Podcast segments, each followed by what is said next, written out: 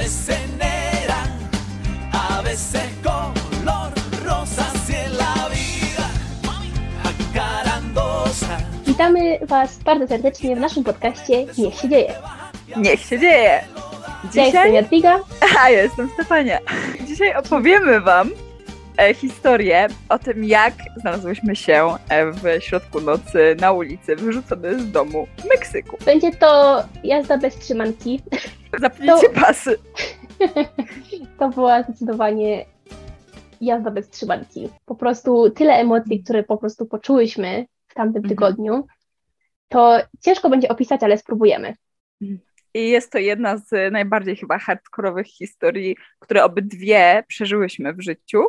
I taka, gdzie czułyśmy realne zagrożenie, mimo że tak naprawdę na pierwszy rzut oka mo- mogłoby się wydawać, że nie było to żadne zagrożenie. To znaczy, no, wyrzucenie z domu to już y, jakoś to implikowało, ale wcześniej, kiedy czułyśmy to zagrożenie, to nie było takie oczywiste. Tak, więc dzisiaj postaramy się uporządkować tę historię i opowiedzieć ją w miarę przystępny sposób, abyście też ją zrozumieli i poczuli się tak jak my wtedy. Zapraszamy. Zacznijmy od kontekstu. Może jeszcze taki kontekst jeszcze szerszy, to ja bym wspomniała o tym, że dzięki Jadzi mamy vlogi nagrane z tamtego momentu i to jest jakieś 40 minut nagrań tego, co się tam działo, naszych przeżyć, naszych odczuć. Mm, I przygotowywałyśmy się do tego odcinka, odsłuchałyśmy wszystko i zrobiliśmy notatki, ponieważ było tam tyle szczegółów, że jest to po prostu ciężkie do uporządkowania. No ale tutaj z moją duszą organizatorską, w sensie przy boku, bo to nie moja dusza organizatorska, tylko tutaj Jadzi, to, to jakoś to em, Poszła. Zostało. Zorganizowałyśmy, mamy na szczęście dowód, więc właśnie na tej podstawie dzisiaj tworzymy ten odcinek. Więc Stefan, może powiedz najpierw, jaki był kontekst, czemu ty w ogóle wylądowałaś w tym mieszkaniu? Zaczęło się od tego, że mieszkanie, które wybrałam e, przez Airbnb, przy- jeszcze z Łodzi, no okazało się być w takiej słabej dzielnicy, o czym mówiłam e, w poprzednim odcinku, o mieszkaniu w Meksyku. Wszyscy mi mówili, żeby jak najszybciej zmienić to mieszkanie i to jest po prostu, dla nich to była jedyna opcja możliwa, więc no, słyszeć takie słowa od native'ów już wywierają wrażenie, krótko mówiąc, więc zaczęłam szukać mieszkania. To mieszkanie było pierwsze, które poszłam obejrzeć i ja je znalazłam na liście Uniwersytetu dla studentów zagranicznych y, z mieszkaniami osób, które już wcześniej, we wcześniejszych latach wynajmowały studentom mieszkania. Tam było wszystko, tam były dane kontaktowe, adres, przybliżona cena, Mm, Więc mogłam sobie po prostu posprawdzać już na wstępie, po pierwsze, lokalizację. Zależało mi, żeby było bliżej uniwersytetu, żeby nie jeździć Uberem na, na każdą lekcję.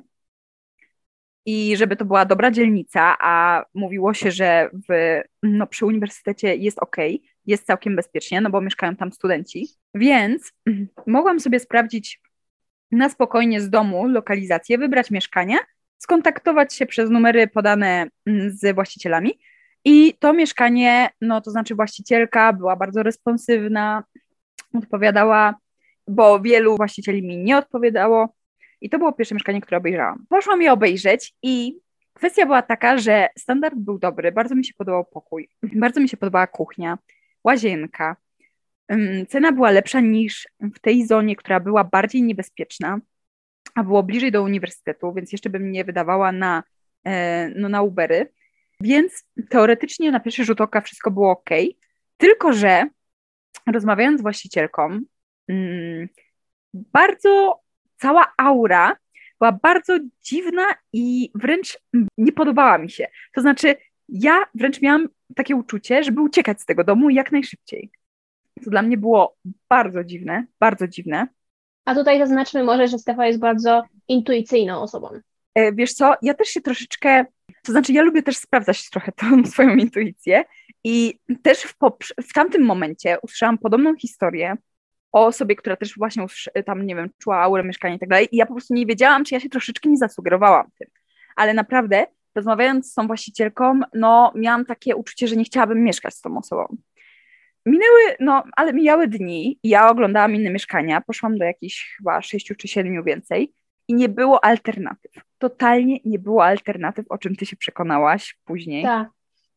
Mimo, że były tańsze mieszkania, to były różne, które nie miały mebli na przykład. Właściciele mi mówili, że je są w stanie wstawić, ale no y, też ten standard, było na przykład mieszkanie bez lodówki i właśnie standard słaby. I Albo bez Wi-Fi. Bez Wi-Fi, tak, bez Wi-Fi, bez lodówki od razu, wszystko naraz. Albo odległość y, też większa, albo na przykład było takie mieszkanie, gdzie można było tylko pokój współdzielony z inną y, dziewczyną i można było tylko kupić z jedzeniem, a jedzenie, jak się zapytałam, czy są opcje wegetariańskie, to nie. I ja bym nie miała dostępu do kuchni w tym momencie, bo jeszcze okej, okay, jakby mogłabym wykupić z tym jedzeniem i nie wiem sobie, wiesz, ale sobie coś gotować oddzielnie również. Ale nie, ja bym nie miała wtedy dostępu w ogóle do kuchni, więc to też nie wchodziło w grę.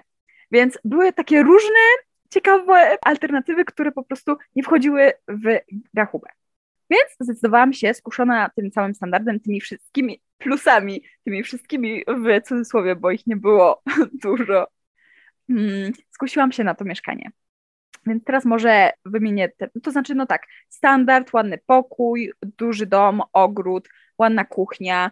E, właścicielka była kucharka, podróżowała dużo i wegetarianka, więc też no, sprawiła wrażenie takiej osoby międzynarodowej i takiej, która ona była taka zainteresowana też kuchnią polską i tak dalej, więc też miałam taką perspektywę, że się może ja czegoś nauczę, może jej też jakoś zaprezentuję kulturę polską, że no może to być po prostu fajna relacja, mimo że moja intuicja mi mówiła co innego, ale te fakty i logiczne po prostu wskazywały na to, że może być ok. No i Więc... lokalizacja. I lokalizacja, tak, i cena, bo była lepsza y, niż, niż ta przy tym terminalu, terminalu. autobusowym. Tak. Teraz może nakreślimy ogólnie sytuację, ponieważ to była sytuacja, która eskalowała w czasie. Jest tych tak. sytuacji tak. dużo. My w ogóle, jak je wyliczałyśmy, to wyszło nam ich dziewięć. Ale to nie jest tak, że one były wszystkie naraz. One się po prostu pojawiały stopniowo i nie każdego dnia. Więc pierwszą sytuacją był taras. To jest bardzo ważna sytuacja i tak naprawdę kluczowa. Jak poszłam oglądać mieszkanie, było ciemno. I właścicielka mi powiedziała, e, Anna Gabi, tak się nazywała, więc może będziemy jej mówić już po imieniu w tym momencie. Anna Gabi mi powiedziała, mm, że na trasie jest pralka i ogólnie jest super taras, mogę przyjść, ale w ciągu dnia po prostu, żeby go obejrzeć, kiedy tylko chcę. Oczywiście ja się nie upierałam, żeby iść oglądać ten taras po ciemku. Zaufałam. Później w ciągu tych dwóch tygodni jeszcze chciałam sprawdzić, czy moje odczucia były ok, to znaczy ok, czy moje odczucia były Trafne. trafne, tak, to jest to słowo. I żeby zobaczyć ten taras. Jakby chciałam już upiec dwie pieczenie na jednym ogniu, tylko że się nie zgadałyśmy, ponieważ no akurat kiedy ja mogłam tam podjechać, to ona akurat te dni była całe, całe dnie poza domem. Więc suma summarum wzięłam ten taras w ciemno. I co się okazało, gdy zaczęłam tam mieszkać, że na tym tarasie mieszka bardzo agresywny, czarny, wielki pies z czerwonymi oczami, który w ogóle został podobno uratowany z ulicy, to znaczy uratowany, ona, e, Anna Gabi mi powiedziała, że ona nawet go nie chciała, ale tam no, jakby ktoś ją przekonał i tak dalej i on później taki agresywny mieszka na, tej, na tym tarasie. I który nie był też na smyczy, w ogóle nie był do niczego przywiązany, chodził tak. po prostu luźno po tym tak. tarasie i szczekał. Ja się szczekał bardzo. bałam.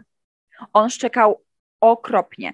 Można powiedzieć, że pies szczeka, ale ten pies, on patrzył na mnie, ten teraz był taki dwupiętrowy, jak on był na tym, na tym najwyższym piętrze, to on mógł przez okno dosłownie z tego najwyższego poziomu tego tarasu patrzeć na mnie, jak ja byłam w kuchni, patrzył się na mnie i tak szczekał, taka agresja, taka zła po prostu aura też biła z tego psa, że bardzo to mnie wręcz tak niepokoiło. To było bardzo niepokojące. Szczególnie, że ja nigdy nie mieszkałam z psem. To znaczy, mieliśmy tam jakiegoś malutkiego szczeniaczka przez jakiś tydzień, może w moim domu, ale ogólnie to też ja nie jestem osobą, która tak dobrze sobie jest w stanie poradzić z takim psem, jeżeli on by się na przykład e, wyswobodził, tak? Gdyby na przykład nie wiem, przeszedł do tego mieszkania, albo ja bym była na tym tarasie, co jest ważne, ponieważ na tarasie była pralka, więc okazało się, że nagle nie byłam w stanie prać, ponieważ gdy przyszła Lola, czyli pani sprzątająca i pokazywała mi, jak działa pralka,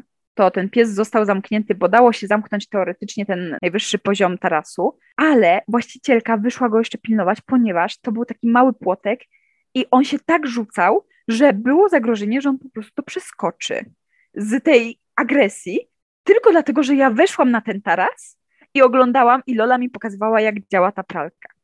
Więc zgodnie z właścicielką, która zresztą sama nazwała psa dla mnie realnym zagrożeniem, takich słów użyła, peligro real, zdecydowałyśmy, że pranie moje, że ja wychodzę sama na taras i biorę sobie rzeczy, jest po prostu niemożliwe, bo to jest dla mnie realne zagrożenie. Tak, więc to jest, tu właśnie przechodzimy do tej sytuacji z praniem, która w ogóle była, no jak dla mnie w ogóle śmieszna i niedorzeczna, więc może powiedz trochę więcej na, ten temat. No dobrze, więc mamy już kontekst e, narysowany co do pralki, gdzie ona była i że nie mogłam prać sama. I ogólnie zasada w tym domu była taka, że jak Lola przychodziła sprzątać, to ona robiła pranie i moja współlokatorka meksyka, meksykańska, która była w moim wieku i e, Anna Gabi dawały jej swoje pranie. Pani przychodziła poniedziałki i piątki, więc dwa razy w tygodniu była ta możliwość. I za jakieś 20 pesos, co jest równowartością jednego euro, robiła pranie. Lola robiła pranie. Całym tym kontekstem jakby ja zaakceptowałam tą sytuację i uznałam, okej, okay, jakby super, nie ryzykuję niczym, też nie, nie tracę czasu na pranie i tak dalej. Lola będzie robiła to pranie i razem z rzeczami Andrei i e, Anny Gabi. Więc pierwszego tygodnia dałam mały koszyk prania e, Loli. Dostałam to pranie już w ogóle e, całe gotowe. Tego samego wieczora Anna Gabi w kuchni mnie zagadała, że to już nie jest dla mnie opcją, żebym prała w domu i żebym dawała moje pranie Loli. Ja zszokowana w ogóle, jak to, co się w ogóle tutaj wydarza. A Anna Gabi miała taką um, no, wymówkę, czy może wyjaśnienie. Um, wyjaśnienie, tak, że Lola mieszka w biednej dzielnicy, gdzie jest niebezpiecznie, nie może wracać po nocy do domu, a na moje pranie nie starczy czasu, bo było go za dużo. Co i, I jeszcze zasugerowała mi, co nastąpiło z, z drobną sugestią, że mogę chodzić do pralni. Jest mnóstwo pralni wokół domu i ja mogę chodzić do pralni i prać tam swoje rzeczy. Sprawdziłam te pralnie szybko i okazało się, że to było pralnie na sztuki. I powiedziałam jej, że wydaje mi się po prostu głupotą, chodzić z każdą skarpetką, z każdymi majtkami do pralni na sztuki, gdzie nawet nie wiadomo, czy jest to możliwe tak naprawdę, prać tam te majtki i skarpetki. Na co Anna Gabi, że oczywiście majtki i skarpetki, w ogóle takie rzeczy jak bielizna, czy jakieś takie małe rzeczy, mogę dawać do prania Loli. Chodzi o większe rzeczy i że każdy, kto mieszkał w tym pokoju wcześniej, tak robił. Tak, więc ja tylko tutaj wspomnę, że ten koszyk, który ty dałaś, był naprawdę mały. Serio. To nie był mhm. taki kosz na pranie, który jest w większości nie. domów, tylko mały nie. koszyk. To było wielkości takiego plecaka, nie? To było no, może trochę plecaka. większy niż, plecak, ale tak. Mniej tak. więcej w ten sposób. I następnym punktem myślę, że byłby twój pokój, bo tutaj tak. też jest parę schiz, dosłownie po prostu kilka tak, schiz. schiz. Wiesz co, ja jeszcze dodam do tego koszyka z praniem, że też Lola dzieliła to pranie kolorami, więc e, prawda jest taka, że wszystko jedno, ile ja bym miała tego prania, ponieważ jeżeli Andrea i Anna Gabi dawały to pranie, to białe, czarne, kolorowe, jakby ona robiła i tak, i tak trzy prania i później ja ją zagadałam Lole na osobności i Lola powiedziała, że to jej Anna Gabi powiedziała, żeby nie prać mojego prania, a że jeśli chodzi o nią, nie ma problemu, bo to też jest inna sprawa, że ja starałam się każdy taki konflikt tak troszeczkę za plecami tak yy, złagodzić i załagodzić rozwiązać. i rozwiązać, i, I dogadałam się z Lolą, zaprzyjaźniłam się z nią i ona mi to się zwierzyła z tego dobrze. Więc ogólnie pokój. To jest to ciężko jest... w ogóle wytłumaczyć, bo jak się tego nie widziało, to jest mhm. bardzo ciężko sobie wyobrazić, ale była dziura w ścianie. Wielkości drzwi. Tak. Wielkości drzwi. I Stefania tego nie zauważyła, gdy oglądała pokój. Mało tego, nie zauważyła tego, gdy mieszkała tam przez pierwsze trzy dni. Ja po prostu tego nie widziałam. Nie wiem, jak działa ludzki mózg, ale naprawdę też inna jest kwestia, że jak oglądałam pokój, to akurat ta ściana to jest bardzo ważne. Oglądajcie, słuchajcie wszystkie cztery ściany, ponieważ jak się wchodziło do tego pokoju i się patrzyło na pokój i się oglądało pokój, to akurat ta ściana była za człowiekiem, za plecami. Więc naprawdę nie przyszło mi w ogóle do głowy oglądać jej. Tam też było powieszone takie ala, jakieś takie Wieszak? Wieszak, wieszak był z drugiej strony, w pokoju obok. A, taka zasłonka. A, taka zasłonka, więc to było takie, no właśnie to jest to, jak działa ten ludzki mózg. No dobrze, jak się zorientowałam? Zorientowałam się, bo słyszałam za głośno, według mnie, rzeczy z kuchni. Słyszałam za głośno odgłosy i w y, pewnej nocy już mnie to zaniepokoiło, bo normalnie, nie wiem, jakieś tam tupnięcie czy coś, to tak jakby to było w moim pokoju, bo to autentycznie to było tak, jakby to było w moim pokoju na korytarzu czy coś, ponieważ ta dziura wielkości drzwi była do, do takiego pokoju, do pomieszczenia sąsiedniego, które w ogóle nie miało żadnych drzwi, żadnej ściany nie miało i było połączone z korytarzem. Więc tak naprawdę to mój pokój był po prostu połączony z korytarzem. I z resztą domu. I z resztą domu, tak. I, I okno w pokoju. I, I, okno w pokoju, dobrze. więc, więc innej nocy z kolei leżałam sobie, już zasypiałam i nagle ramka od lustra się zapaliła, to znaczy tak jakby światłem się zapaliła. Ja wtedy pomyślałam sobie, wow, ramka od lustra LED, ciekawe dlaczego się zapaliła. Podeszłam z ciekawości i co zobaczyłam? Że to nie jest lampa jako ramka, to jest szyba takiej szerokości ze 2-3 centymetrów, więc lustro miało ramkę, która, było, które, która była szybą do pokoju właścicielki, Anny Gabi. I ona zapaliła w tamtym momencie po prostu światło w swoim pokoju i ponieważ w moim pokoju było ciemno, to taki był efekt tego wszystkiego. I ja byłam w stanie zobaczyć wszystko, co się działo w jej pokoju przez tą ramkę, mimo że to się wydaje, że to jest mało, że to nie jest jak okno, wszystko się dało zobaczyć. I obawiam się, to znaczy ta ramka była po prostu dosłownie naprzeciwko mojego łóżka, naprzeciwko szafy, więc tak naprawdę to w moim pokoju również. To znaczy to działało w dwie strony, bo to było po prostu, to była szyba. Tak, to było po prostu okno w pokoju, które miało zainstalowane lustro na środku, więc okno tak. i lustro. Ja w tamtym momencie w ogóle, ponieważ to był stary pokój jej córki, ja po prostu bardzo mi się zrobiło żal jej córki. Ja sobie pomyślałam, Jezu, jaka ona była inwigilowana. Znaczy, ja w ogóle tego nie pomyślałam pod kątem jakiegoś kontra mnie, wiesz o co chodzi. Ja po prostu uznałam, że no, miała taki pokój, jaki miała, teraz go wynajmuje, nie przystosowała go w żaden sposób do, mm, dla ludzi, ale nadal jak wierzyłam w jej dobrą wolę i ja też chciałam jakoś rozwiązać te wyzwania, czyli na przykład kupić jakąś dyktę w sklepie budowlanym. Już się umawiałam z Lalo, żeby jechać do sklepu budowlanego, a w międzyczasie zamieniłam taki wieszak, bo dosłownie po drugiej stronie był wieszak z ubraniami, a ale obok wieszaka była komoda. Więc co za radna Polka, ja po prostu zamieniłam komodę y, z wieszakiem miejscami, więc ta komoda troszeczkę niwelowała odgłosy i nie dało, i przynajmniej do pewnego pułapu, do jakiegoś tam, nie wiem, metra 60 powiedzmy, tak jak ona była wysoka, przynajmniej się nie widziało części z tej dziury, no bo tak to się widziało wszystko, jak tam były ubrania. A co ciekawe, też ona mi później zwróciła uwagę.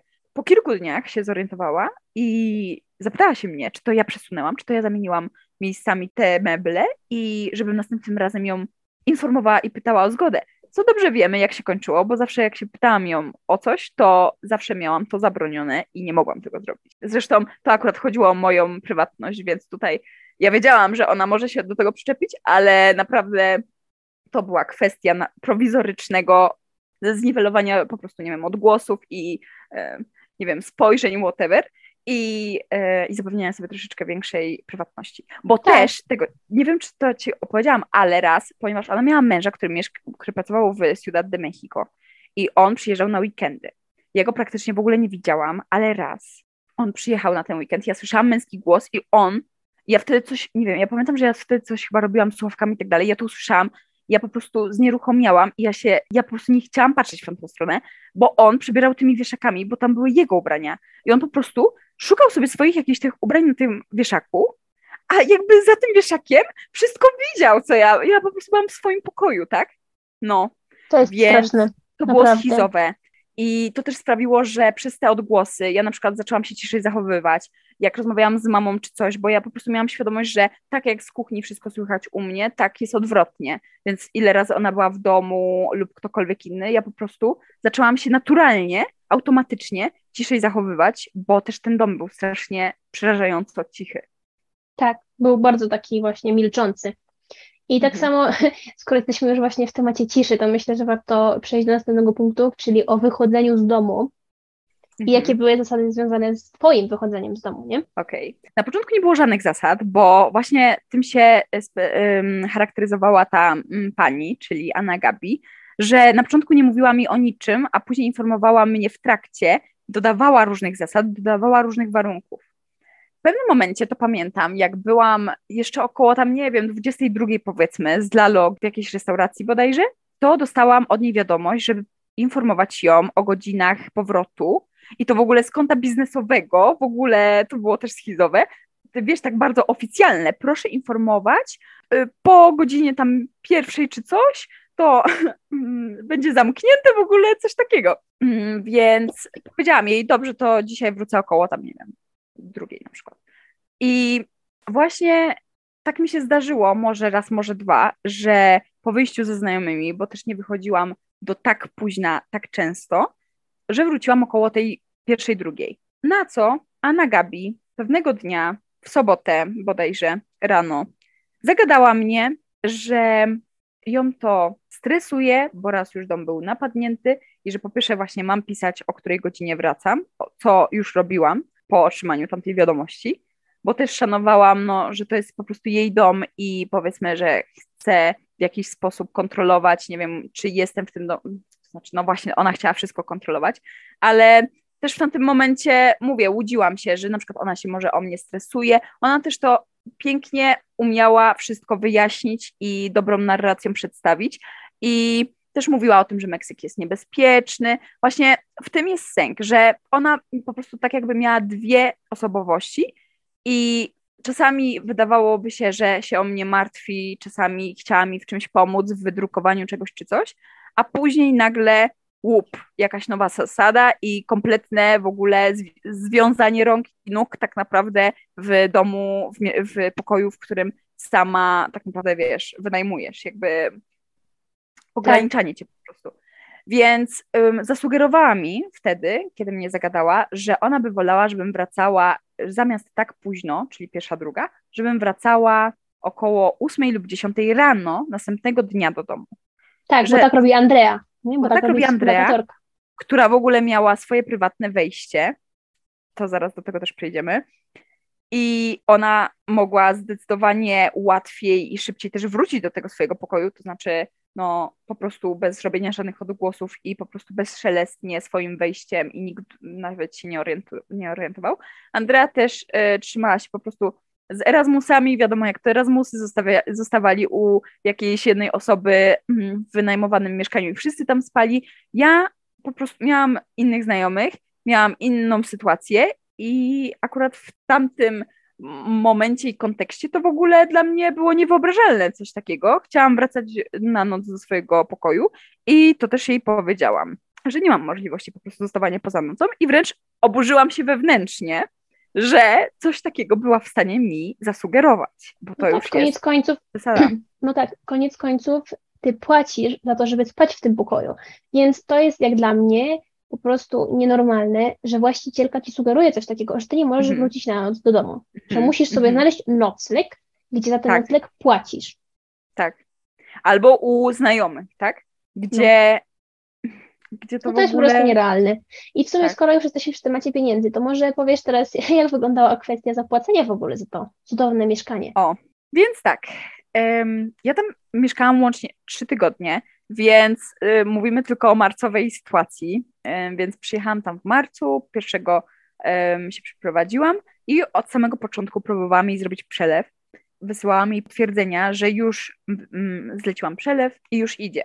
Tylko, że przez to, że ona mi podała wszystkie dane oprócz kodu SEPA, ten przelew nie chciał wyjść, ponieważ było to po prostu Polska-Meksyk i bez SEPA mój bank nie chciał go przepuścić.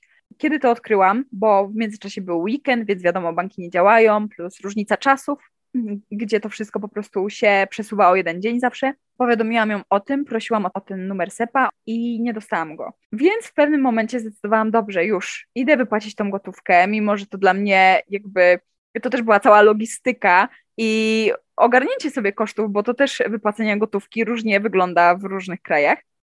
I w różnych bankach, ponieważ różnych każdy bankach. bank ma inną prowizję. Większą Tak. bądź mniejszą. Dokładnie, plus jeszcze prowizje bankomatów.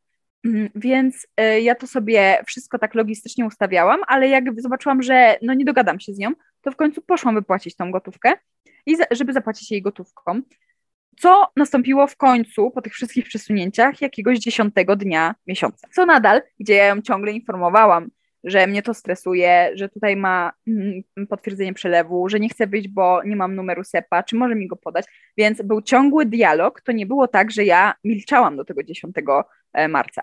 I tego samego w ogóle dnia, kiedy mi zasugerowała, że mogę wracać e, następnego dnia po, po wyjściu ze znajomymi, powiedziała też, że to, kiedy ja zapłaciłam, wydaje jej się zdecydowanie za późno i że ona preferuje na tydzień przed miesiącem, za który płacę płatność. I że tak jest wszędzie na świecie. I to jest idealny po prostu moment właśnie, żeby powiedzieć, jak ona próbowała tobą po prostu manipulować, że Mhm. ona myślała, że ty jesteś takim niedoświadczonym Erasmusem, niedoświadczoną studentką z wymiany, która nie wie, jakie są realia, gdzie my obie mieszkałyśmy naprawdę w wielu miejscach i wynajmowałyśmy już mieszkania w różnych krajach i, i z różnymi I wiesz, ludźmi i i wiemy, wiele jakie są mieszk-.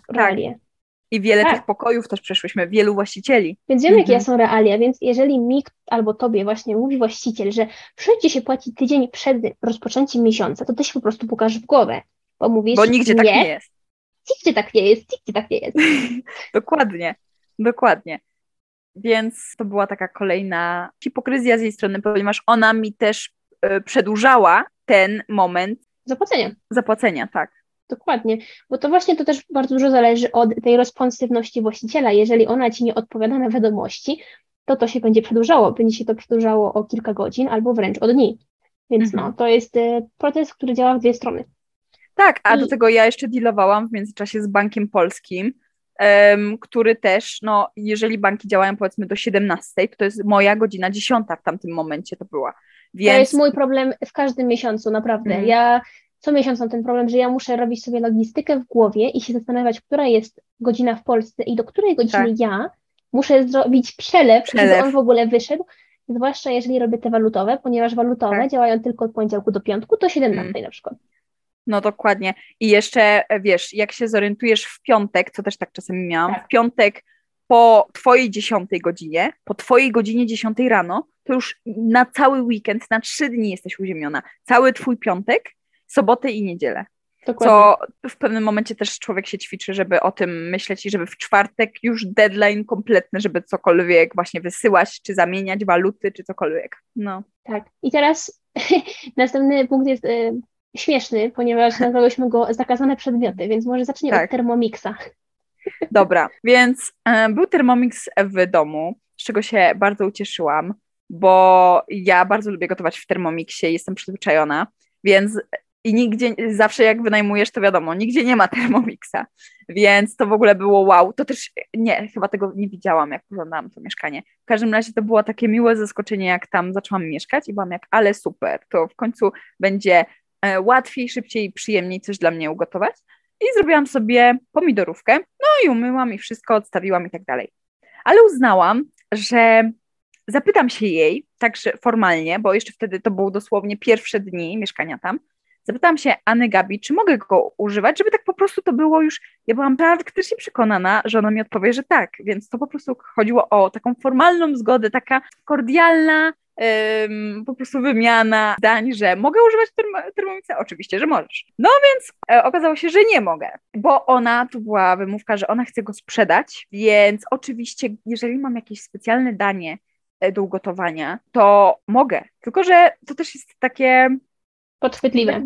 podchwytliwe, bo co jest specjalnym daniem. Teraz na przykład z moim mindsetem na dzień dzisiejszy bym jej po prostu wmawiała, że pomidorówka to jest bardzo specjalne, polskie tradycyjne danie. W tamtym momencie uznałam, że pomidorówkę no, mogę też zrobić w garnku i że to nie jest specjalne danie, więc No tak, Plus się. To jest kolejny przykład, że ty się próbowałaś po prostu przystosować się do jej zasad. Tak. Plus to była też bardzo dobra argumentacja z jej strony, ponieważ jeżeli ja wiedziałam, że ona chce sprzedać tego Thermomixa, to od razu nie chcesz nic Zepsuć.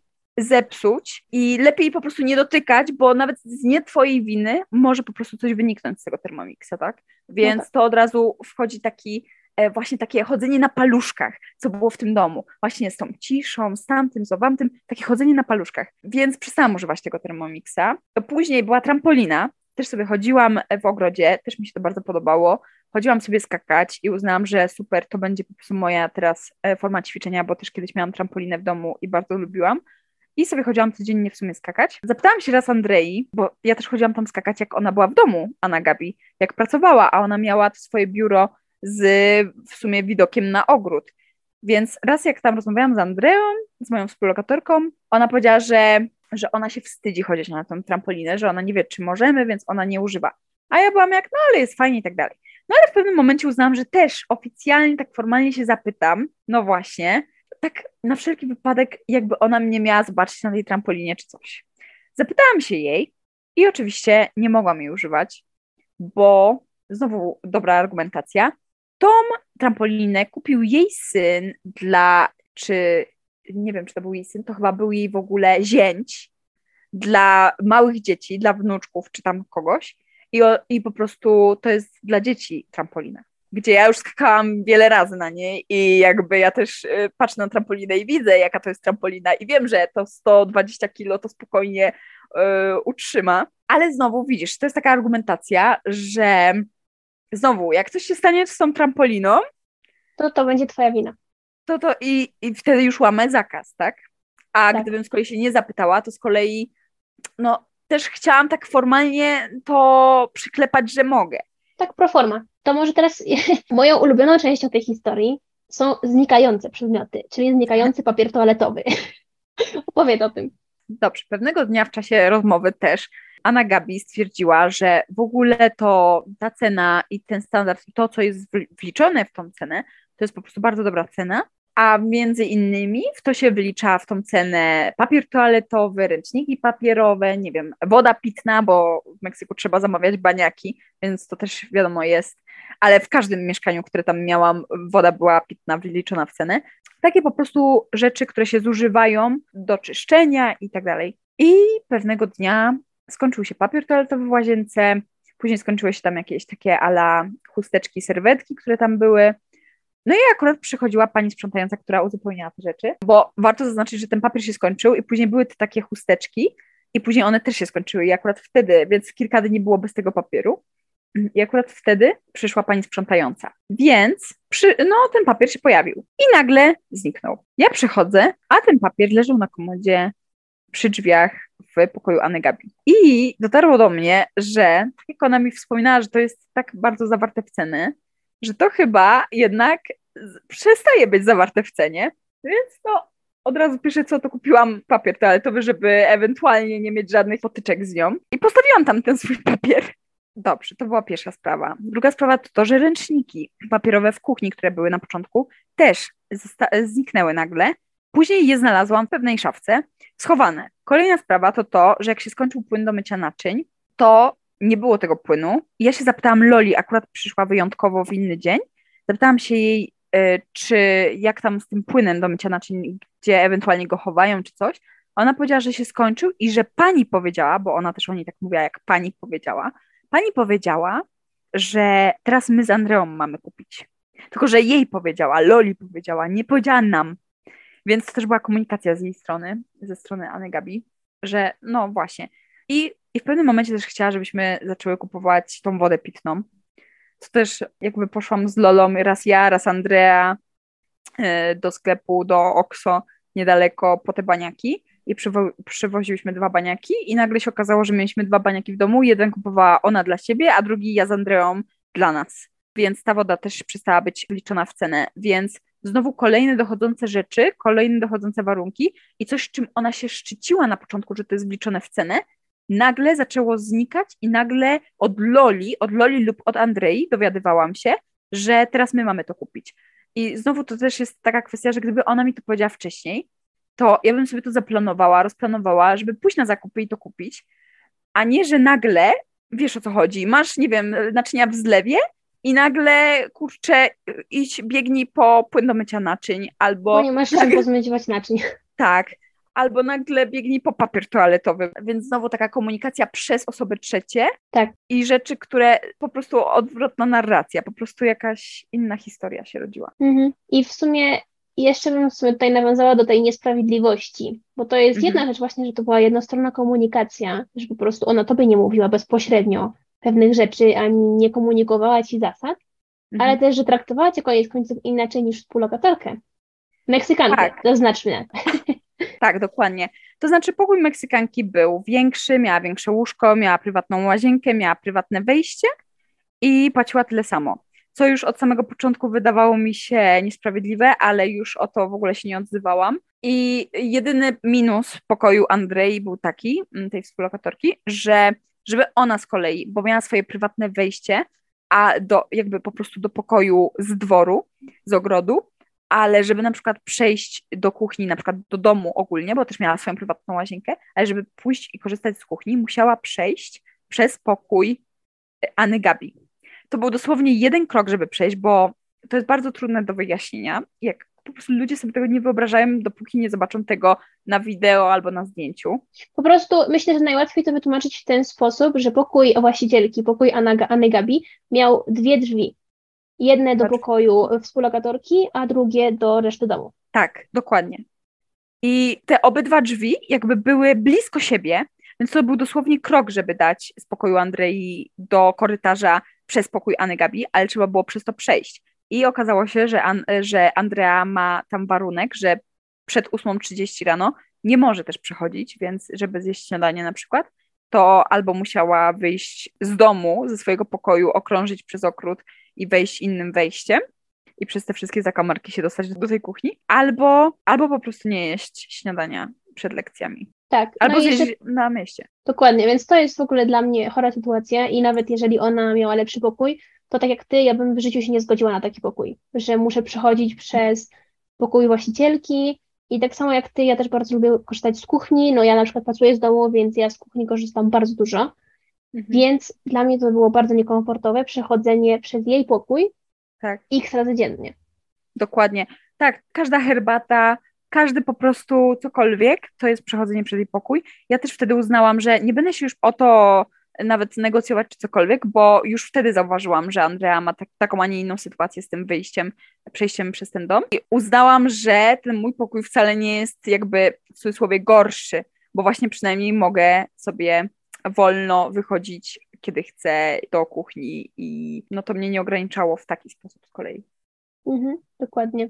No i ostatnim punktem jest dzwoneczek, który wisiał na drzwiach, który, które były między jakby przedpokojem a kuchnią i który Mhm. dzwonił. Tak, no w ogóle wydaje mi się, że tych dzwoneczków było więcej tam, wiesz? W każdym razie były dzwoneczki takie malutkie na, na klamkach roz, porozwieszane i akurat w taki sposób, że jak się przychodziło z dworu, to dzwoneczek był z drugiej strony, więc jak otwierałeś drzwi, to on dzwonił i metodą na to było, bo te drzwi też ciężko chodziły, więc on praktycznie ciągle dzwonił, więc też właśnie o tej, nie wiem, to po prostu była informacja dla niej, że ja wróciłam i o której godzinie, tak? Bo jak to słyszała. Ale ja oszukałam system, bo po prostu uchylałam zawsze te drzwi i później przytrzymywałam go z y, tą ręką po prostu z drugiej strony, żeby on tak nie dzwonił, więc on nie robił hałasu. I później to tak opanowałam tą sztukę, że wracałam i ona po prostu słyszałam jej chrapanie, nie budziła się nic, więc też te moje godziny powrotu nie były przeszkadzające. Mhm. Tak, więc tutaj właśnie udało nam się nakreślić całą tę sytuację, którą myślę, że już możecie sobie wyobrazić, jaka to była nienormalna sytuacja, tak naprawdę. Jak się nad tym człowiek zastanowi, jakie ona właśnie zasady potrafiła po prostu sobie wymyślić w pewnym momencie i niektórych nawet nie komunikować, i to się po prostu właśnie tak stopniowo dokładało jedno po drugim, po drugim, po drugim. I teraz ja przyjeżdżam do Meksyku i, Tak. i ty to komunikowałaś z jakim wyprzedzeniem? Trzy tygodnie? Em, Wiesz co, ja jej to za, dwa razy zakomunikowałam. Pierwszy raz to jakoś w pierwszym tygodniu mojego mieszkania tam, czy byłoby ok, że pod koniec marca przyjedzie do mnie e, koleżanka. I drugi raz, jak ty przyjeżdżałaś w poniedziałek, to ja w piątek przed weekendem, czy pamięta i że to już jest teraz, bo tak się spodziewałam, że no wtedy było generalnie rozmawiane, czy to jest po prostu w ogóle możliwe.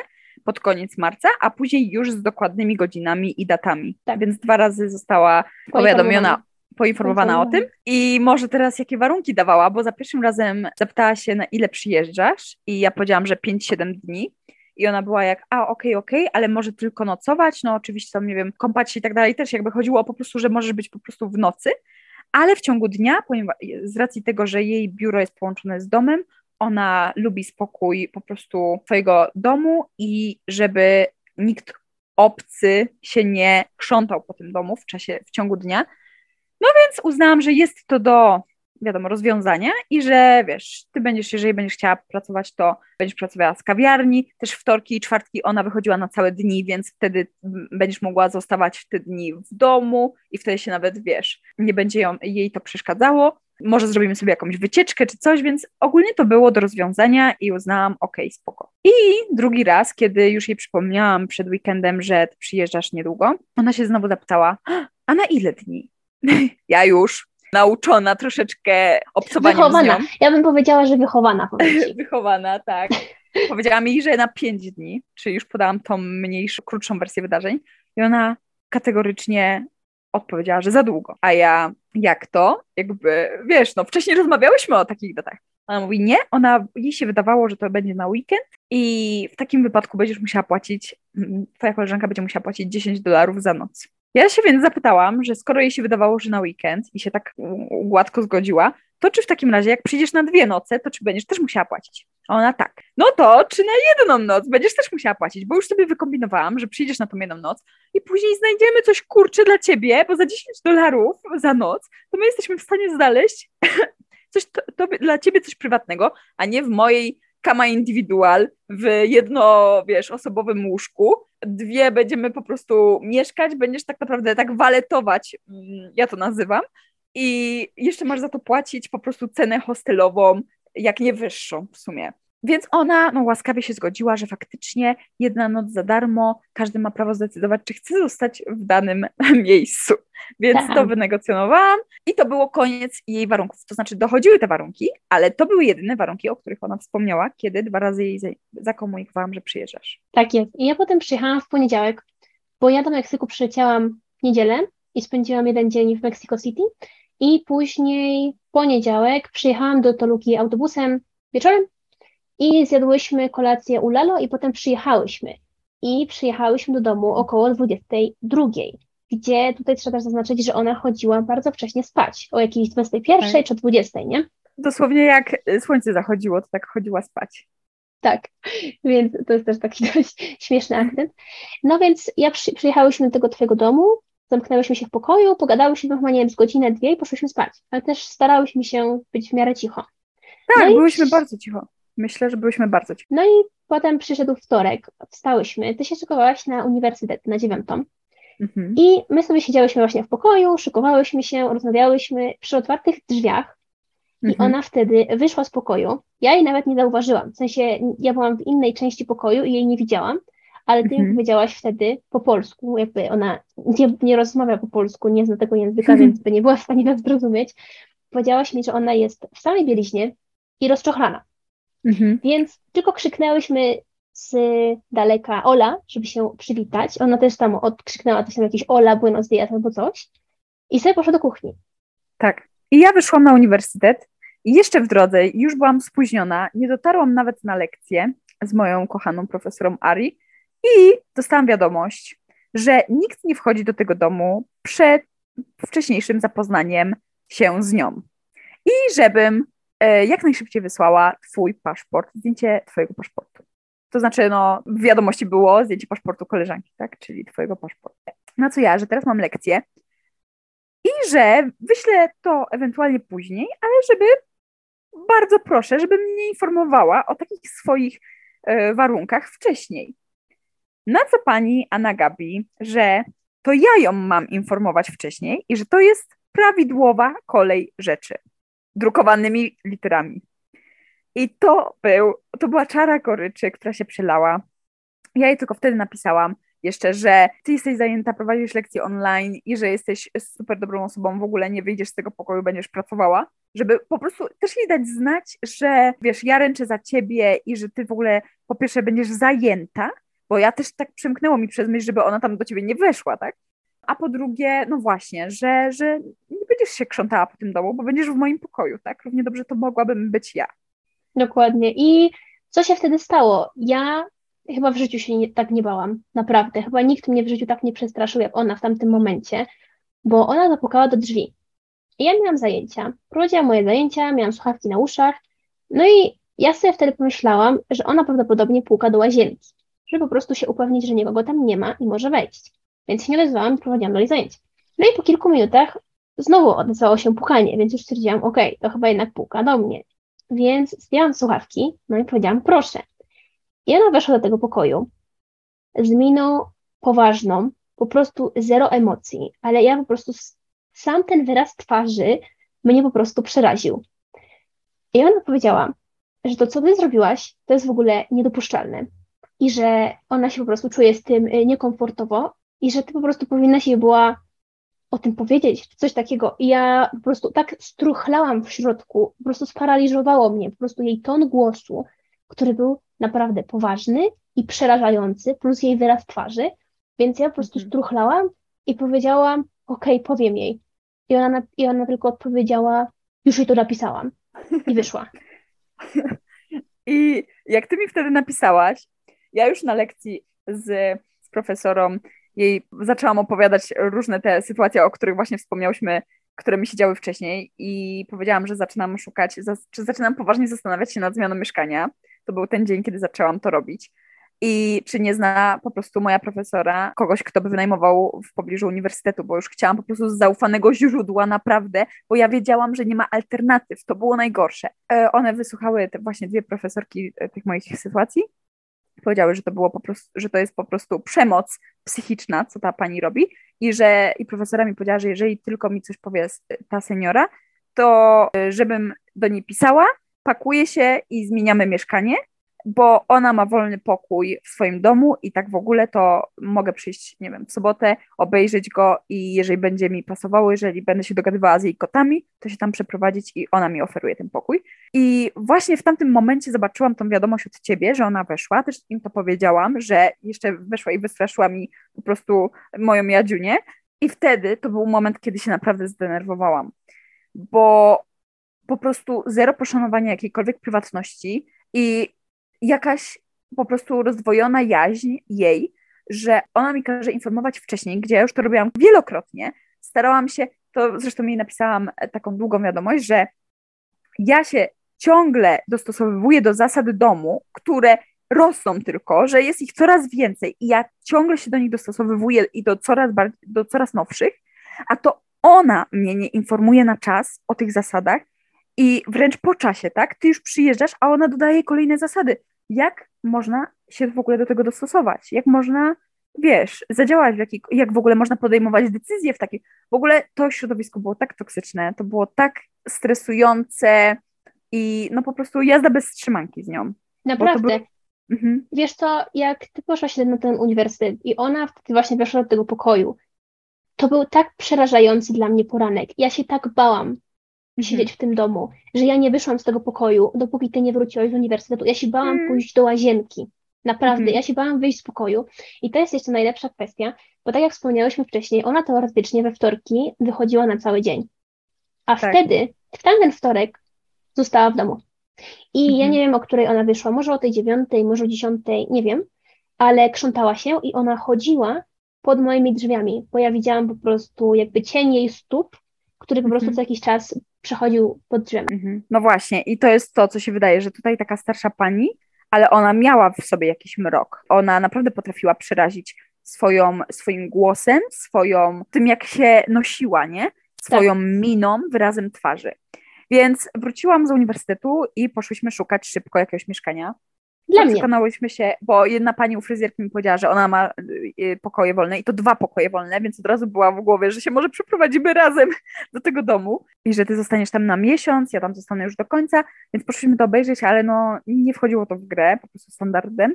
I po tym, jak się przekonałaś, co było na Airbnb, po tym, no po prostu nie było alternatyw. Wróciłyśmy, uznałyśmy, dobra, no, jakby ta, pierwsza, ta druga noc zostaniesz u mnie, bo co mamy zrobić? Nie masz po prostu gdzie pójść jakby Tak. trudno zapłaci się jej i szukamy rozwiązania i może następnego dnia na coś wpadniemy. Wtedy chyba zamówiłyśmy w ogóle te pizze z Domino Pizza w ogóle, tak. więc tak.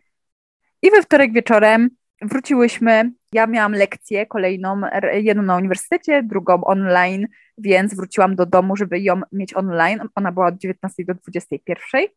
I ty już się szykowałaś do spania, już w sumie byłaś w łóżku, pamiętam, cała zestresowana i wyczerpana sy- sytuacją. Totalnie. Ja sobie z laptopem siedziałam i nagle pukanie do drzwi. I ja powiedziałam, że mam lekcję przez drzwi. Kolejne pukanie i już wejście bez pytania. Anna Gabi weszła sobie do pyta- bez pytania i powiedziała, że musi ze mną porozmawiać. Na co ja powtórzyłam, że mam lekcję teraz, a ona, że ale ona może ze mną porozmawiać tylko teraz, ponieważ ona poświęca czas tylko do 20, żeby obsługiwać czy, nie wiem, rozwiązywać sprawy moje i Andrei. Więc ja odpowiedziałam, że w takim razie musimy porozmawiać następnego dnia, ponieważ ja w tym momencie mam lekcję. To był właśnie taki moment, kiedy naprawdę, jak mówiłam, że już, już zaczynałam być na nią obrażona i bardzo Tak, i byłaś asertywna. To był twój przejaw asertywności i ja byłam z ciebie niesamowicie dumna w ogóle, że, że ty dopowiedziałaś, że no sorry, ja teraz, to, że ty mnie nie możesz w tej chwili obsłużyć, to nie oznacza, że ja jestem dostępna non-stop dla ciebie. Ja też Tak. mam swoje zajęcia. Ale zobacz, ona po prostu weszła do mojego pokoju. Ja jej mówię, że mam lekcję przez drzwi, a ona i tak weszła i e, po prostu tonem niemalże rozkazującym ona życzy sobie ze mną porozmawiać. Więc cała ta sytuacja już z tamtą otoczką, po prostu z całym kontekstem, po prostu była, no, niefajna. I na koniec jeszcze powiedziała, A. e, Mhm. spojrzała się na mnie w ogóle w łóżku i ja byłam tak przerażona. Pamiętam, ja się schowałam pod kołdrą. Ja się bałam na nią spojrzeć, naprawdę. Ja się po prostu schowałam pod kołdrą i nawet nie wyciągnęłam nosa, jak ona Mhm. weszła. I ty powiedziałaś mi potem, że ona spojrzała się wtedy na mnie na to łóżko i powiedziała, odejmę ci to od depozytu. Tak, którego nigdy nie zapłaciłam, nigdy nie było żadnej fiansy, żadnego depozytu, więc e, tak naprawdę nie wiem o co jej chodziło, więc ja wtedy wiesz, y, y, jedno ucho na słuchawce na lekcji, coś słucham, drugie ona po prostu mówi swoje jakieś schizofreniczne pomysły, więc ja byłam jak, nie wiedziałam wtedy, w tamtym momencie po prostu nie wiedziałam o co jej chodzi i szczerze mówiąc nie chciałam dociekać. I następnego dnia była środa i postanowiłyśmy, że po prostu pójdziemy pracować do kawiarni. Ja pamiętam, że my wstałyśmy wtedy wcześnie rano, przed nią i Mhm. zostawiłyśmy jej kartkę na stole z pieniędzmi za Mhm. tą pierwszą noc. Tak. I nie pamiętam już, co napisałyśmy, ale coś, coś właśnie w stylu, że to jest po prostu zapłata za pierwszą noc, coś tam, coś tam, coś tam. No i zostawiłyśmy te jej te 10 dolarów, które sobie wymyśliła. No i poszliśmy pracować do kawiarni. Tylko, że w kawiarni był taki problem, że moja ładowarka tam nie chciała się zmieścić do kontaktu i tak dalej, więc koniec końców musiałyśmy wrócić do domu. Więc ja kontynuowałam zajęcia z domu. I jej wtedy nie było w domu. W ogóle byliśmy w dwóch kawiarniach. To tak też chciałam zwrócić Tak. uwagę, że ty jedną lekcję przeprowadziłaś w jednej, później kolejne w drugiej, więc tak się krzątałyśmy po tych kawiarniach. E, Wiesz co, ona chyba była wtedy w tym swoim biurze, które było no tak połączone. To była taka jakby, nie wiem, dobudowa, to była taka inna część domu, która była dosyć daleko z jednej strony, ale to nadal był ten dom. I wtedy rozmawiałyśmy z Andreą, pamiętam, pokazałyśmy jej te wszystkie rzeczy, pokazałyśmy jej rzeczy w moim pokoju. Ona była zszokowana, że tak mam. I ona, nie wiem czy pamiętasz, ona wtedy wyszła z tego pokoju i ona usłyszała, bo my do Andrzej mówiliśmy po hiszpańsku, ona to wszystko słyszała, a my wiesz, a my jakie to jest po prostu loko, jakie to jest szalone nie wiadomo co i my wtedy, i ja wtedy mówiłam, że tak współczuję jej córce, że w ogóle taka była kontrolowana i inwigil- inwigilowana i ona prawdopodobnie dużą część z tego słyszała, jak się zwierzałyśmy Andrzej z tego. I Tak. w, w międzyczasie też no, wydarzyła się ta dosyć normalna rozmowa, prawda? Ja byłam Tak. dosyć na nią obrażona, byłyśmy w kuchni, chyba siedziałyśmy, czekałyśmy aż się obiad ugotuje czy coś i ona przychodziła i ty miałaś z nią taki mały small talk, a ja się Po raz nie odzywałam. Po raz pierwszy. Notabene, i- po, no, po raz pierwszy normalną rozmowę, a tak, nie, że ona wchodzi bez, do, do, do pokoju i mnie po prostu przeraża na śmierć, nie? Tak, i to I było ja wtedy, ale wiesz co, ja wtedy miałam nawet takie poczucie, że nie pamiętam już w sumie, czy ja się czułam wtedy przestraszona podczas tej rozmowy, ale wydaje mi się, że ja wtedy poczułam, że to była taka normalna rozmowa, wiesz? Aha. I ja, sobie, ja wtedy chyba nawet starałam się nie tyle, że dostosować, ale no pokazać tą moją dobrą stronę, że wiesz, Mhm. że ja nie jestem jakimś demonem, No. za którego ona mnie miała, tylko że jestem po prostu normalną osobą, młodą dziewczyną, która nic jej nie zrobi i nie okradnie. tak, czy cokolwiek. A ja wtedy byłam obrażona, bo ona mnie już zdenerwowała po prostu tymi wiadomościami. Ja jej wtedy napisałam, że ona mnie informuje i ja myślę, żeby y, z marcem się, z końcem marca się wyprowadzam i w ogóle dziękuję bardzo, będzie miała ten spokój, który tak sobie życzy, jak się wyprowadzę, a gdzie ja po prostu byłam na paluszkach cały czas.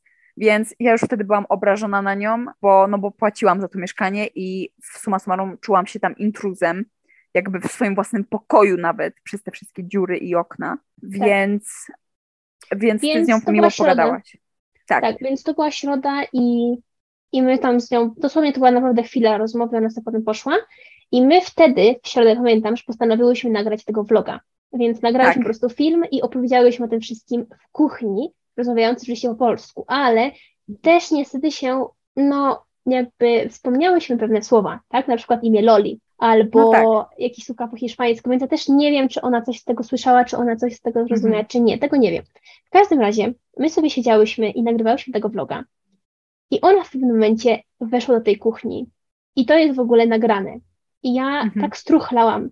To jest coś, czego, co ciężko w ogóle op- opisać, ale jak my się przygotowywałyśmy w tym tygodniu do tego odcinka i słuchałyśmy tych vlogów, to ja obejrzałam pierwszą część, potem obejrzałam drugą część i moja pierwsza myśl była taka, że ja się zdziwiłam, że ten drugi filmik jest taki krótki, bo on trwał 18 sekund. I ja miałam taką myśl, czemu my zostawiłyśmy tak, taki krótki film? Czy coś nam się zdało? Coś powiedziałyśmy ważnego? I ona po prostu wtedy weszła i powiedziała, Mhm. że ty masz wysłać jej zdjęcie mojego paszportu. Mhm, I tak. my tylko po prostu spojrzałyśmy się na nią takie przerażone i powiedziałyśmy, okej, pokiwałyśmy A głowami on- i ona sobie poszła. A on nie, a ona jeszcze doda dzisiaj. Ale takie A, wiesz, faktycznie. dzisiaj z kropką, takie dzisiaj, nie? Mhm. I, I sobie poszła.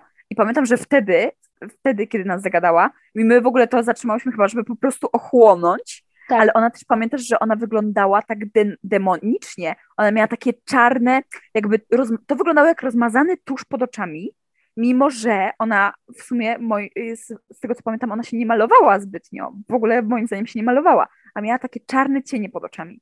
Więc jakby to było też, dodawało po prostu temu wszystkiemu e, Grozy.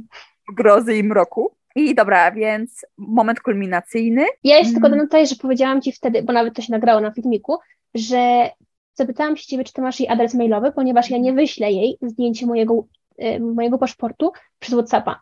I Ty powiedziałeś, że nie masz, więc napisałaś do niej wiadomość i Tak. ona Ci wtedy nie odpisała. I ona mi nie odpisała o adres mailowy, więc w końcu uznałyśmy, dobra, zrobimy adnotację, taki znak wodny na tym paszporcie, że to jest tylko do wyglądu na mieszkanie i no, na tej ulicy i wysłałyśmy jej w końcu to przez tego Whatsappa, bo nie było odpowiedzi i po tym, dosłownie to był już wieczór, wieczór, około, nie wiem, 22 to mogło być? Może Nie, troszeczkę wcześniej. wcześniej? Ja wy- o wcześniej, 20, około 20. o 20. Oko- Okej, około 20. Dosłownie dostała ten zdjęcie paszportu i pojawiła się wiadomość, że koleżanka ma do 8 rano wybyć z mieszkania, a ja od tego momentu będę dzwoniła dzwonkiem, żeby wejść do, do domu, bo ona zmieni zamki. Tak. Ja tutaj wtrącę moje uczucia wtedy, po prostu jak my przeczytałyśmy tę wiadomość, to po pierwsze to był w ogóle szok. Pamiętam Ale wiesz, też, co to było? Confusion. To było w Tak. ogóle, co to jest kancelar dla Ciapas? Ona użyła takich słów, że nawet Andrea, jak jej pokazałyśmy, prawda? Nawet Andrea, Meksykanka w naszym wieku, nie zrozumiała tego. Ona specjalnie użyła takich słów. No, dokładnie. Więc to było właśnie bardzo takie confusing. Mhm. Było po prostu bardzo confusing. Tak. I ja się przeraziłam tą wiadomością, ponieważ, no po pierwsze, jakby dla mnie to był jas, jasny przekaz, że ona mnie wyrzuca z tego domu. Po prostu, Mhm. że okej, mam prawo jeszcze zostać jedną noc, ale o ósmej rano, jak ona wstanie, to ma mnie już nie być. Mhm. I tu jest też ciekawe, ciekawy wątek, ponieważ ty jeszcze wtedy, na tamten moment, myślałaś o tym, żeby jeszcze mieszkać w tym mieszkaniu do końca marca. Tak. Że ty jeszcze myślałaś, że ona, mimo że zmienia te zamki, to że ty tam jeszcze możesz zostać.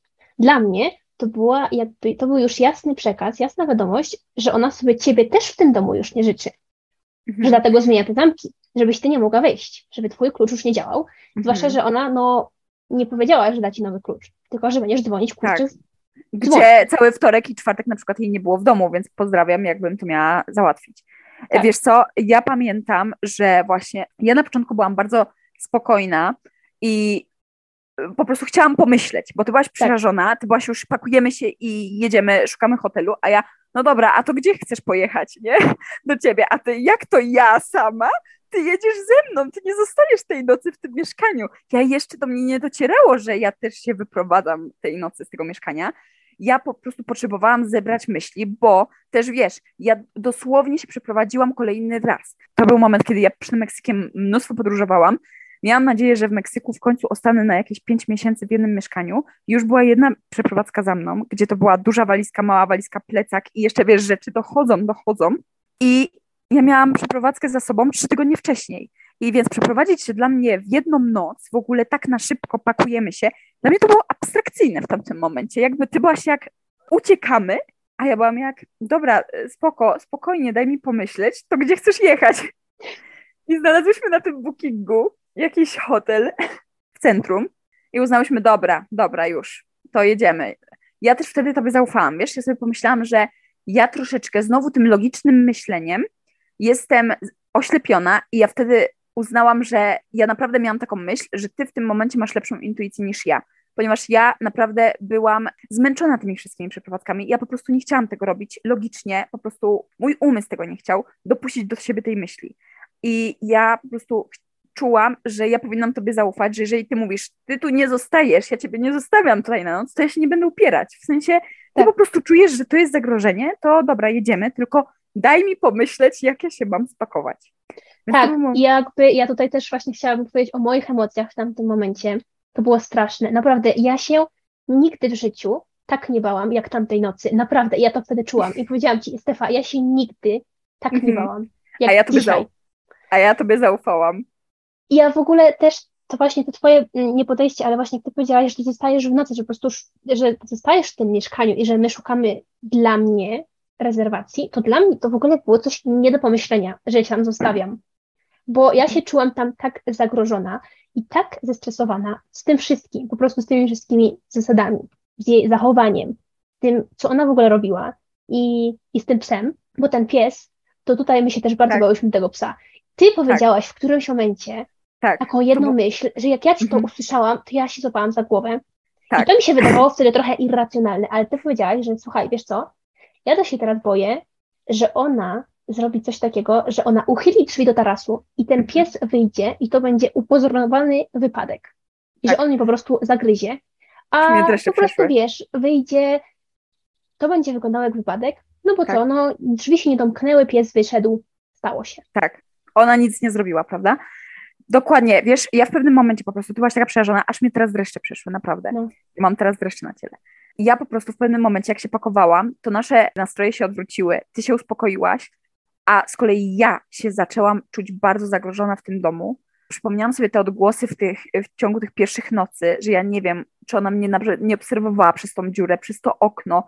I ja sobie uświadomiłam, że ja nie wiem, jaki jest jej stan psychiczny, że tyle było tych sytuacji, które były tak po prostu skrajne, tak jakby ona miała dwie osobowości, że jeżeli ona na przykład jest chora psychicznie, na co na serio zaczęłam to podejrzewać, to ona jest skłonna, jeżeli my ją tak, nawet nie sprowokowałyśmy, jeżeli my ją doprowadziłyśmy po prostu do jakiegoś takiego stanu, wiesz, niepokoju, czy po prostu nie wiadomo czego, to że ona po prostu będzie w stanie, będzie chciała się, nie wiem, zrobić nam krzywdę, bronić w jej oczach, nie mam pojęcia co.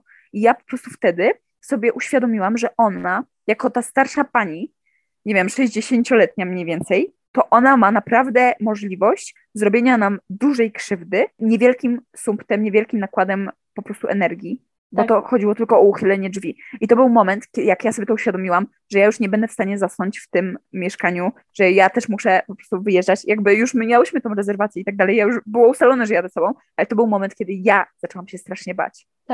Bo Pamiętasz jeszcze z walizkami, że ty się Tak. wtedy bardzo zdenerwowałaś na samym początku na mnie, że ja nie chcę się po raz kolejny przeprowadzać i w ogóle ja wszystkie moje rzeczy są tutaj rozrzucone po prostu wszędzie, po całym mieszkaniu, po całym pokoju, są w łazience, są w kuchni. Ja bym teraz musiała się zastanowić, jak to logicznie wszystko zapakować. I ja ci wtedy powiedziałam, słuchaj, jak już, chyba to było wtedy, jak już się uspokoiłaś, jak jednak stwierdziłaś, dobra, jedziemy tam we dwie. I ja ci wtedy powiedziałam, słuchaj, ty tutaj nie możesz zostać, ona cię oficjalnie wyrzuca z domu, więc proponuję ci teraz, póki jeszcze mamy taką możliwość, spakuj wszystko. Po prostu naszykuj wszystkie walizki, Tak. weź z nami teraz to, co jest dla ciebie niezbędne, resztę zostaw, ale żeby to już było zapakowane w Tak. walizkach. I ja jeszcze też pamiętam, to dopiero też, to jest też kolejna schiza, że nie wiem, czy ty, czy ja, ale któraś z nas miała iść do łazienki, zabrać rzeczy z łazienki. Tak.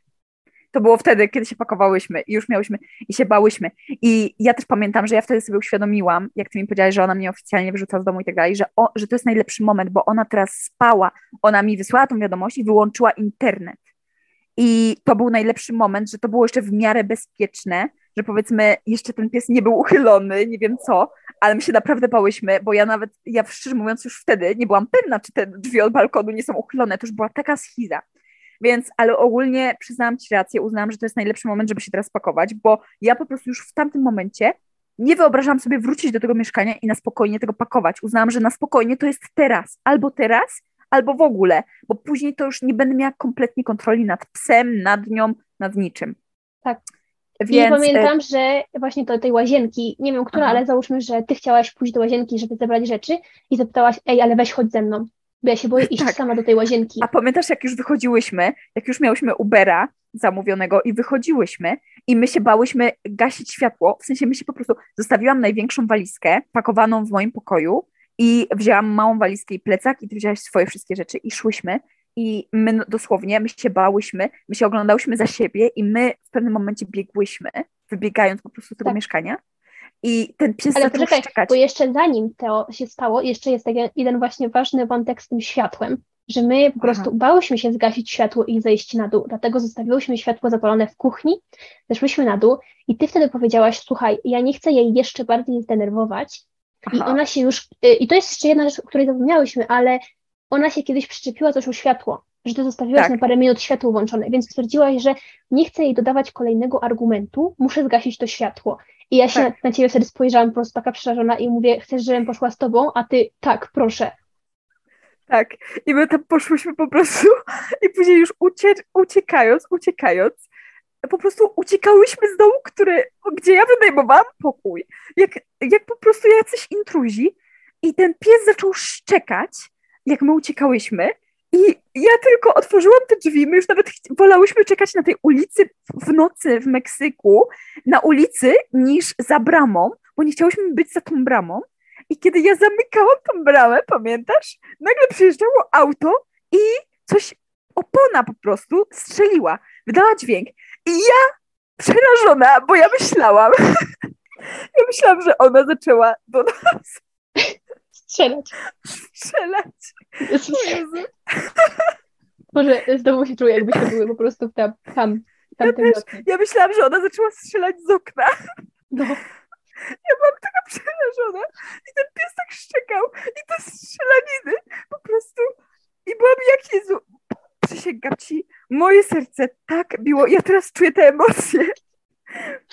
Ja też. O Jezu. Jezu, okej, dobra. Ale tak, Moment, więc tak. to było po prostu bardzo, to było przeżycie naładowane po prostu negatywnymi emocjami od początku do Mhm. końca. I. Więc pojechałyśmy właśnie tym Uberem do tego hotelu. I zapłaciłyśmy za tę noc, rozpakowałyśmy się tam i stwierdziłyśmy, tam pamiętam, że wtedy pogadałyśmy i byłyśmy bardzo głodne, więc stwierdziłyśmy, że pójdziemy po prostu zjeść do jakiejś knajpy, bo i tak by były sklepy zamknięte i tak dalej, no poza tym w hotelach nie ma kuchni. Więc poszłyśmy sobie do restauracji meksykańskiej zjeść kolację.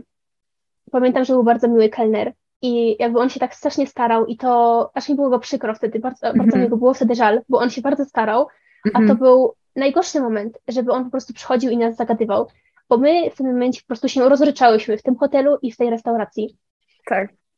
bo byłyśmy tak po prostu przeładowane tymi emocjami, że po prostu wszystko wyszło. Wszystkie te emocje po prostu się wydostały na zewnątrz i po prostu zaczęłyśmy płakać. Mhm. Tak, dokładnie tak było.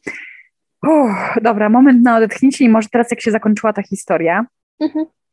Więc następnego dnia, bo już nie o tej północy, o w ogóle w- nocy nie, mm, ni- nic nie pisałam do profesory, ale ponieważ ona mi tą pro- pomoc zaproponowała, że jak tylko mi coś powie ta właścicielka, to żebym do niej się po prostu o pomoc zgłosiła, to następnego dnia od rana wysłała mi screena tej rozmowy, tego, tej, tej po prostu wiadomości o tym, jak ona nas wyrzuca z tego domu i profesory to bardzo nią wstrząsnęło, więc to też potwierdza ten wydźwięk tej wiadomości po prostu, który ty zrozumiałaś, a który ja tak, tak trochę od początku bagatelizowałam. I ona przyjechała dosłownie w 10 minut, zapytała się, gdzie jesteśmy i w 10 minut była w tym centrum pod tym e, hotelem, czekała na nas, aż się ogarniemy. Ja pamiętam, że ja się wtedy na szybko umyłam, w ogóle ty też szybko jakoś pakowałaś rzeczy i tak dalej. Ty myślałaś, że jeszcze przeprowadzisz te lekcje w, w tym pokoju hotelowym, ale nie, uznałyśmy, że już się obydwie przeprowadzamy. W ogóle profesora była jak super, jedziesz ty i koleżanka, w ogóle jedziecie obydwie, wszystkie bagaże. Ja pamiętam, że ja też jej wtedy napisałam w wiadomości, że ja się boję wrócić po tą dużą walizkę sama, że ja po prostu chcę wrócić z jakimś dorosłym, Rozumiesz? Że tak, bo my wtedy, bo my wtedy zaczęłyśmy się zastanawiać, że może byś wzięła Lalo, ale my obie stwierdziłyśmy, nie, Lalo to jest zła osoba, mimo że to jest facet, on jest młody, on jest w naszym wieku. Tak. My uznałyśmy, że ja, że po prostu, żeby wrócić po tą walizkę, to jest potrzebne jakieś wsparcie osób, które mają jakikolwiek autorytet, które mają jakiekolwiek możliwości, żeby coś zdziałać. I okazało się, że profesora w drodze do tego hotelu już powiadomiła te władze uczelni, to znaczy wydziału, o tym, co mi się stało. I od razu jak pojechałyśmy do jej mieszkania, ja zaraz potem, chyba zjadłyśmy te pankejki, nie? Śniadanie. Tak. Zaraz potem pojechałyśmy na uniwersytet. Ja opowiedziałam im wszystkie te historie, które pamiętałam. Powiedziałam to pani dyrektor od spraw też studentów zagranicznych i tak dalej. I właśnie też, no po prostu tam było kilka osób wysoko postawionych na wydziale i oni to, tego wysłuchali, powiedzieli, że w ogóle strasznie jest im przykro, że coś takiego mnie spotkało i żebym po prostu nie mierzyła tą miarą wszystkich Meksykanów. Powiedziałam, że zdecydowanie tak się nie zdarzy, bo to była jedyna osoba z Meksyku, która mnie tak potraktowała i która była po prostu najgorszą osobą chyba na pewno z Meksyku, a jedną z gorszych, jakie spotkałam w życiu. I że zdecydowanie nie będę filtra tego, wiesz, na Meksyk przekładała. I ona powiedziała, że pojadą ze mną właśnie moi profesorowie. W sumie pojechali dwóch profesorów, i moja profesora po tą walizkę. Oni zostali na dole, ja poszłam na górę po tą walizkę i powiedzieli też, jeszcze na tym spotkaniu, gdzie im to wszystko opowiadałam, że przygotują prawne pismo, że nic jej nie wiszę, o czym ja w ogóle bym nie pomyślała, że nie mam żadnych zaległości, że już nie, że nie zalegam z żadnym czynszem, że ona sobie nic nie rości do mnie i powiedzieli mi wtedy, że od tego momentu ty już się nie kontaktujesz z tą panią, a jeżeli ona będzie się chciała z Tobą skontaktować, to przez prawników uniwersytetów, przez Twoich profesorów, my ją o tym poinformujemy, bo też i oni między sobą wtedy powiedzieli, bo nie wiemy, jakie ona ma koneksje, co jest inną stroną realiów Meksyku, jak też zapobiegają na różne sposoby. I ja w tamtym momencie po prostu czułam się tak zaopiekowana. Nigdy w życiu nie czułam od żadnego uniwersytetu, wiesz, no też nie miałam takich sytuacji, ale naprawdę to, w jakim w tamtym momencie ten uniwersytet po prostu przejął kontrolę nad tą sytuacją, to było dla mnie niesamowite. Ja się wtedy też popłakałam. Ja im powiedziałam, że naprawdę to jest dla mnie niesamowite, czuć się tak zaopiekowana przez nich i ta pomoc, którą mi w tamtym momencie dają. No. No. I co? I od tamtego momentu tak właśnie zaczęłam mieszkać ze swoją profesorą. Więc jak ludzie się nie pytają, jak to się stało, że zaczęłaś mieszkać ze swoją profesorą w Meksyku, to była cała ta historia. Tak e, czy coś jeszcze? Jakby... Bardzo skomplikowana i złożona. E, tak. tak. na koniec bym tylko dodała, że właśnie zamieszkałyśmy obie u profesory. Tak. Ona miała wolny pokój z dwoma łóżkami, więc po prostu my tam mieszkałyśmy. I ja mieszkałam wtedy przez prawie dwa tygodnie z nią. I ona w ogóle nie chciała żadnych pieniędzy, co dla mnie w ogóle było niesamowite, ponieważ ja naprawdę chciałam jej zapłacić. I ona w ogóle się na mnie spojrzała na wariatkę i mówi, nie, co ty w ogóle mm. gadasz? To jest, y, jak ona powiedziała, nawet nie pamiętam w ogóle jakich słów użyła, ale że po prostu to jest po prostu gościnność. I wiesz, i że ona sobie na przykład nie wyobraża, żebym ja jej zapłaciła za ten czynsz za, za, te, za te dwa tygodnie. A też w sumie ten tydzień, który mi do końca marca, wiesz, e, potrzebowałam, to ona też nie chciała za to pieniędzy. Jakby ona uznała, ty już zapłaciłaś za marzec, ty się w ogóle nie przejmuj marcem, pogadamy o tym, o, o pieniądzach pogadamy później. I, I też po prostu ta jej gościnność, to jak później nas zaprosiła na, te, na tą kolację z, z kolei prawą ręką e, rektora uniwersytetu, no, z tą inną sekretarką, w sensie tak. sekretarią, to nie to, że sekretarka, to po prostu też bardzo po prostu osoba. O tym kiedyś opowiemy. Ona była po prostu bardzo wysoko postawioną osobą tak. na uniwersytecie i opowiemy kiedyś o tej kolacji, ponieważ ja popełniłam kilka fopa podczas tej kolacji, więc na pewno to się pojawi w odcinku o szokach kulturowych. to jest Tak, tak, śmieszna historia. tak. Ale właśnie na szczęście wszystko się dobrze skończyło w tej historii, ale właśnie tutaj po prostu chcę zaznaczyć to, co my po prostu czułyśmy tamtego dnia, podczas tamtych dni tak naprawdę i tamtej nocy. I naprawdę obie stwierdziłyśmy wtedy, że nigdy się tak nie bałyśmy w całym naszym Tak. życiu i jak dla mnie to, co też pokazuje w ogóle ten, te emocje, to to, że my teraz opowiadamy o tym, mimo że jesteśmy w zupełnie innych krajach. Ja jestem teraz w Ekwadorze, ty jesteś w Hiszpanii, jesteśmy tysiące kilometrów od tej kobiety i to się zdarzyło pół roku temu, a to Mhm. wciąż nami po prostu wstrząsnęło i ja podczas nagrywania teraz tego odcinka parę razy miałam ochotę się po prostu znowu płakać, Mhm. więc to po prostu pokazuje jakby ten stopień, jaki, jakiego wpływu w ogóle ta kobieta miała na nas, jaka to była przemoc psychiczna. Mhm. I pamiętam też, że następnego dnia właśnie jak się wyprowadziłyśmy, jak uciekłyśmy z tego domu, to opowiedziałyśmy właśnie o tym kilku osobom i to jeszcze wciąż było takie bardzo, bardzo mocne dla nas. Natomiast dwa dni później już było wszystko w porządku. W sensie pamiętam, że my już po prostu zaczęłyśmy żartować po prostu z tej, e, z tej historii, po prostu śmieszkować, że i nawet stwierdziłyśmy, że większość osób by prawdopodobnie po takiej sytuacji wróciło do Polski. A Mhm. dla nas to w ogóle nawet nie była opcja. Nie, w ogóle ja bym o tym nie pomyślała. Ja pamiętam, że jak ty mi o tym wspomniałaś, to ja w ogóle byłam jak, co? W ogóle, a faktycznie y, ta administracja uniwersytetu, też wydziału, też tak mnie bardzo próbowali, wiesz, no udobruchać, jakby nie martw się, nie jesteśmy wszyscy tacy i mam nadzieję, że mamy nadzieję, że to nie wpłynie na twoje tutaj doświadczenie, co po prostu dla mnie oczywiście nie wpłynęło. Jedynie co to tyle, że zmieniłam kolejny raz mieszkanie i to w taki sposób wpłynęło bezpośrednio na, mój, na moje doświadczenie w Meksyku ale tak to, to jest po prostu kolejne doświadczenie więcej. Ja też pamiętam, że ty mi wtedy powiedziałaś, że po pół roku mieszkania w Kolumbii ty się nigdy nie czułaś tak zagrożona w Latynoameryce, jak w domu starszej pani z psem. I to Tak. jest W pierwszym Najlepsze- tygodniu mieszkania w Meksyku. w Meksyku. I to jest najlepsze podsumowanie tego wszystkiego. Znowu mam dreszcze, bo tej historii nie da się opowiedzieć tak z grubsza. Jeżeli jak ją opowiadasz tak Po powierzchownie, łebkach. Mhm. po łebkach, to po prostu wychodzi z tego anegdota, wychodzi z tego żart i można sobie z tego żartować, że wyrzucili nas z domu w Meksyku i wylądowałyśmy na ulicy w nocy. I niektórych to przerazi, niektórzy powiedzą, co zrobiłaś, że tak się stało, no bo wiesz, bo nikt nie wyrzuca nikogo z domu tak po prostu.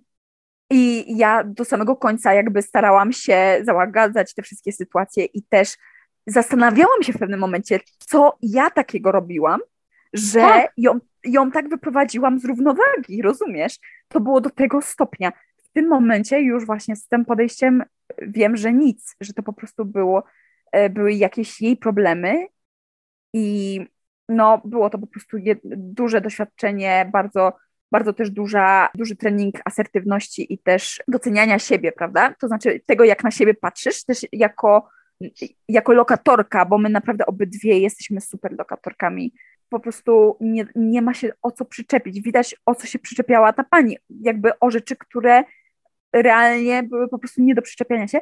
Ja też tak jeszcze podsumuję, że od tego momentu ja teraz bardzo wnikliwie patrzę na to, jak, jak, jak miałam wynajmować teraz mieszkanie w Hiszpanii, z kim będę mieszkała i na przykład od początku odrzuciłam opcję z właścicielem, a jak raz się na początku skontaktowałam z jednym właścicielem, to też się przejawił ten schemat już w wiadomościach. Nie, nie, nie zamontuję ci zamku w drzwiach do twojego pokoju, bo to jest mój dom, moje zasady. E, To znaczy, on powiedział, to, to jest mój dom i nie będę montował e, zamków w pokojach e, wewnątrz domu. I nikt wcześniej nie miał z tym problemu. Co się przejawia jako mój dom, moje zasady, co miała to sama seniora. I ja już jestem teraz tak na to wyczulona, że ja nie mówię, że każdy właściciel, bo też mieszkałam w pierwszym mieszkaniu w Meksyku, ta właścicielka była z kolei bardzo lu- luźna, bardzo taka młodzieżowa i w ogóle kompletnie, wiesz, cały, całkowicie luz i taka przyjacielska relacja, ale bardzo trzeba zwracać na to uwagę, czy właściciel przypadkiem nie uzurpuje sobie prawa do kontrolowania twojego życia przez to, że wynajmujesz u niego pokój, co jest Tak. bardzo niebezpieczne. To naprawdę wpływa na psychikę. Oczywiście i ja mam też taką historię ze Stanów, o której też myślę, że kiedyś zrobimy albo osobny odcinek, albo o tym Mhm. po prostu wspomnimy w jakimś innym odcinku, bo to też była paskudna sytuacja. Ale już myślę, że wystarczy tych negatywnych emocji na dzisiaj. Tak. że właśnie dobrze to po prostu podsumowałyśmy.